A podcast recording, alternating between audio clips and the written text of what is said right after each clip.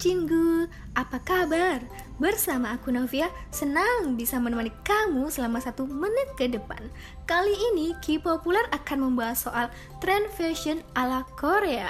Eksistensi K-pop melalui drama dan musiknya sukses memikat banyak penggemar di Indonesia. Salah satunya gaya busana dari para idol hingga aktornya. Yuk simak tren fashion ala Korea di tahun ini. Yang pertama, style swaggy baby. Cocok banget buat kamu yang ingin tampil swag dan simple.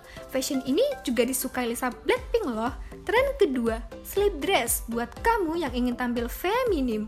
Dan yang terakhir, tren oversize Tahu nggak, tren ini udah jadi ciri utama fashion Korea loh. Banyak disukai pria maupun wanita.